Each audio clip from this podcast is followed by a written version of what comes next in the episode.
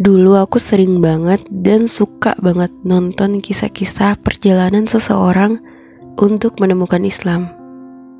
Apalagi orang-orang dari luar negeri, dari negara barat dan dari sebagian negara Asia. Karena mereka dari kecil sudah disuap dengan berita-berita negatif mengenai Islam, media-media barat secara terus-menerus menggambarkan Islam dari sudut pandang yang negatif Jarang sekali media yang meliput Islam yang sebenarnya dan kehidupan Muslim yang sebenarnya.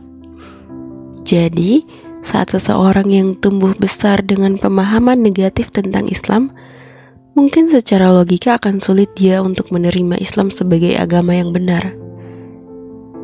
Tapi, logika manusia tidak ada apa-apanya kalau Allah sudah berkehendak untuk memberikan hidayah pada hambanya.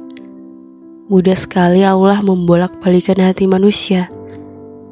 Ada yang karena tidak sengaja mendengar azan saat menonton siaran jemaah haji di TV.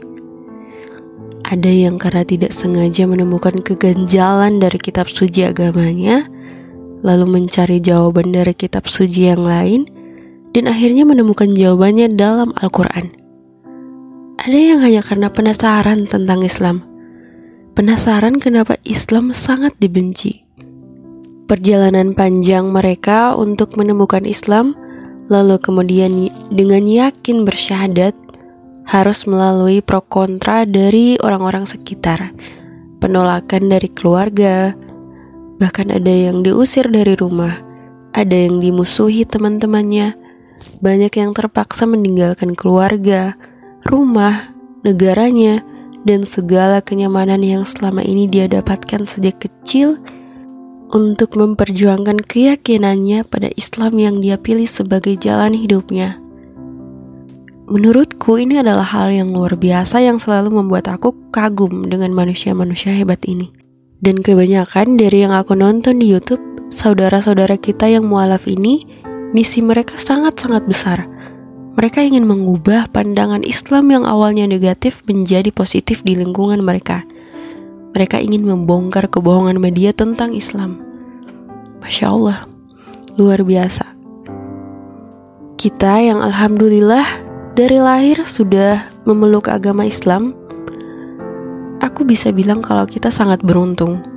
Allah memberi nikmat yang sangat besar yang tidak Allah berikan pada hambanya yang lain yaitu nikmat Islam.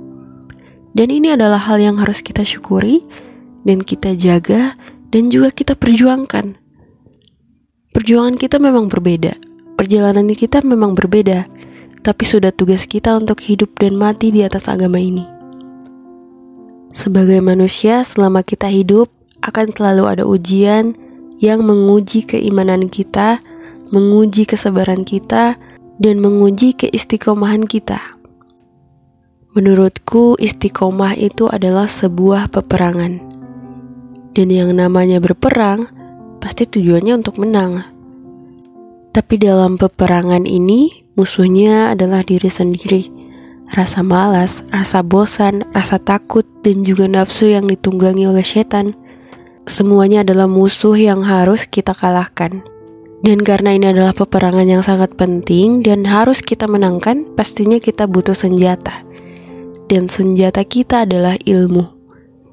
Iya, peperangan dalam istiqomah itu sangat-sangat memerlukan ilmu agama. Kita butuh untuk belajar, kita butuh untuk menambah ilmu. Istiqomah tanpa ilmu itu sulit. Dan selanjutnya, kita butuh teman. Teman yang soleh untuk menjadi penguat dan pengingat di saat iman kita sedang turun. Karena berjalan sendirian tidak akan mudah jadi temukanlah teman-teman yang soleh dalam perjalanan panjang ini.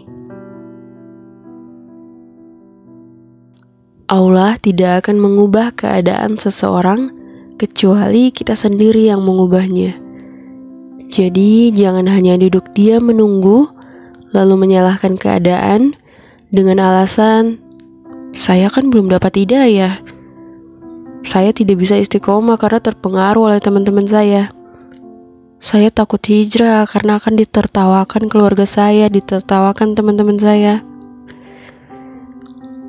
Kalau rasa takut dan malu pada manusia adalah alasan, ingatlah saat kita nanti sudah di liang lahat, manusia hanya akan menghantar lalu pergi, dan yang menemani kita di alam kubur adalah amal ibadah kita. Jadi, ayo kita berusaha untuk bijak dalam menyaring pendapat orang lain. Ambil apa yang bermanfaat untuk kita, yang berguna untuk kita, dan abaikan apa yang hanya menghambat kita untuk menjadi lebih baik. Kita memang tidak harus melalui perjuangan seberat teman-teman kita yang mualaf atau mereka yang mencoba berhijrah di jalan Allah tapi ditentang oleh orang-orang sekelilingnya. Tapi ingat, kemudahan untuk berislam yang kita dapatkan juga memerlukan perjuangan untuk dipertahankan, memerlukan perjuangan untuk belajar ilmu agama, memerlukan komitmen dan konsisten untuk terus menjadi lebih baik dan kita juga punya kewajiban untuk berdakwah.